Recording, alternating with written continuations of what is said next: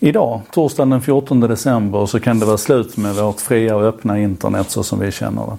För att idag röstar den amerikanska motsvarigheten till Post och telestyrelsen, FCC, om nätneutralitet. Man röstar om att riva upp en reglering som Obama-administrationen satte på plats som styr och kontrollerar vad internetoperatörerna kan göra på, med nätet. Ehm, och nätneutralitet, det är ett gammalt begrepp. Det går tillbaka hela vägen till 1800-talets telegrafilagar i USA. Där man definierade att avsändare och mottagare skulle liksom vara lika inför sladdarna.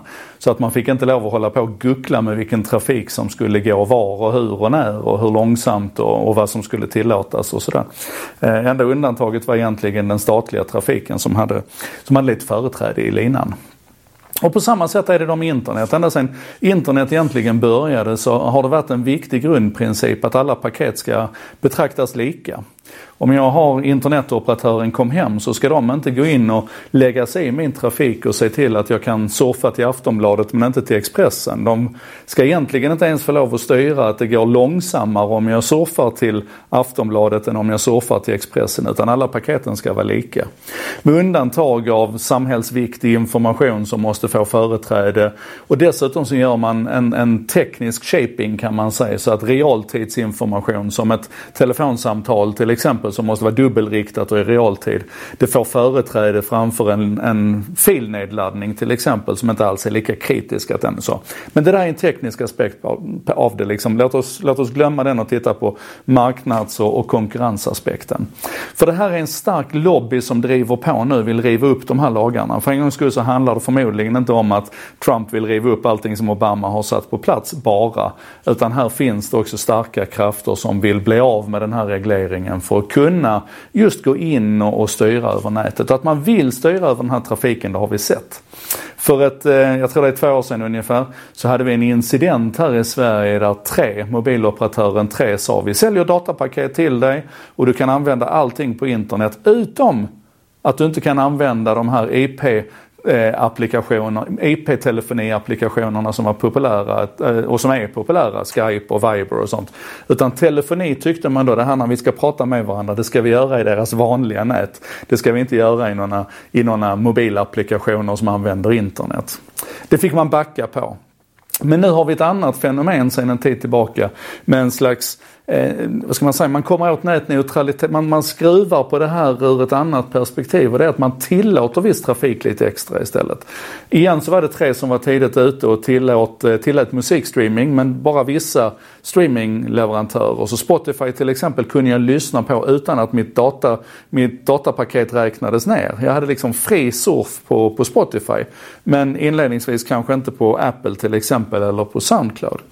Sen har man balanserat ut det där men det är fortfarande så att det är bara de, de leverantörer som, som tre väljer ut som du får lyssna fritt på.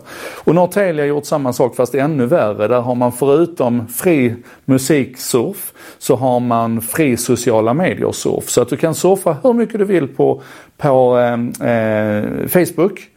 Men du kan inte surfa hur mycket du vill på LinkedIn. Så att där har ju Telia gått in här nu och vrider till konkurrensen på ett högst otrevligt sätt. Och det är ju för att vissa operatörer eller vissa leverantörer, vissa tjänster är, är mer betydelsefulla för Telia tycker man och då får de lite gräddfil. Medan andra får slå sig fram. Nu tror jag att LinkedIn klarar sig ändå. Men tänk på många av de andra uppstickarna här om de inte får den här gräddfilen av Telia.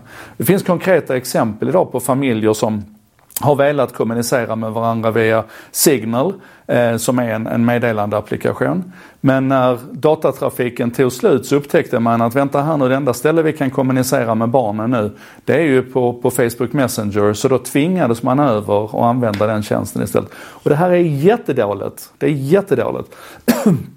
Och nu kan vi inte styra vad amerikanerna hittar på. Vi kan inte styra vilket amerikanskt internet vi ska vakna upp till på fredag.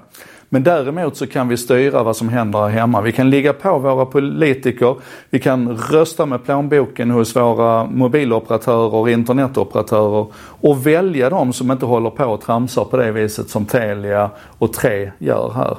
För det här är en viktig fråga. Tänk dig själv det internet där du helt plötsligt inte ska kunna komma åt en tjänst för att din internetoperatör har tecknat ett avtal med Aftonbladet och helt plötsligt så kommer du inte åt Expressen. Det där är skräckscenariot men det är precis det sluttande planet vi ger oss ut på om vi börjar tulla på nätneutraliteten. Så, ögonen på det här nu. Nätneutralitet, viktigt. Gör jobbet.